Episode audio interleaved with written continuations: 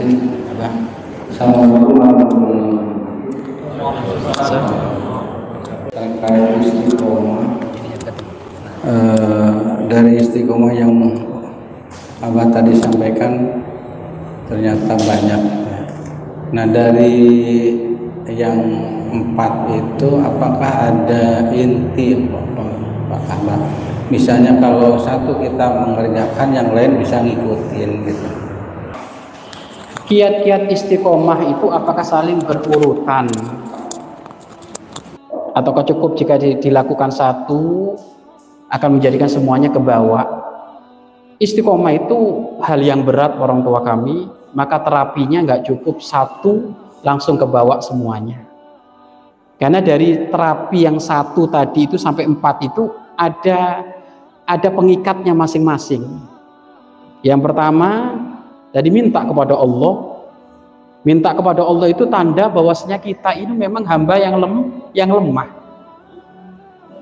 Karena nggak mungkin orang sombong bisa istiqomah. Makanya rendah dulu kita di hadapan Allah. Menunjukkan diri kita ini butuh kepada pertolongan Allah. Makanya ngangkat tangan. Nah kalau sudah butuh kayak gitu orang tua kami baru meng, apa? Memulai kita ibadah. Targetnya apa? Nah ini targetnya apa? Sampai nanti dikuatkan dengan teman-teman yang sama seperti itu. Puncaknya adalah keistiqomahan. Kalau sudah berjalan, tiga hari, empat hari, lima hari berjalan, ayo rasa istiqomah itu kita kuatkan dengan apa? Jangan melanggar Allah. Jadi ini nggak bisa pak, nggak bisa di, di apa? Apa? Two in one gitu nggak bisa itu. Dua dijadikan satu atau empat jadikan satu nggak. Memang terapinya harus semuanya diamal, diamalkan. Dan memang ini orang tua kami, ini itu Bapak Ibu, ini pengalaman para ulama. Hal ini pengalaman guru mulia bernama Habib Ali Al-Jufri.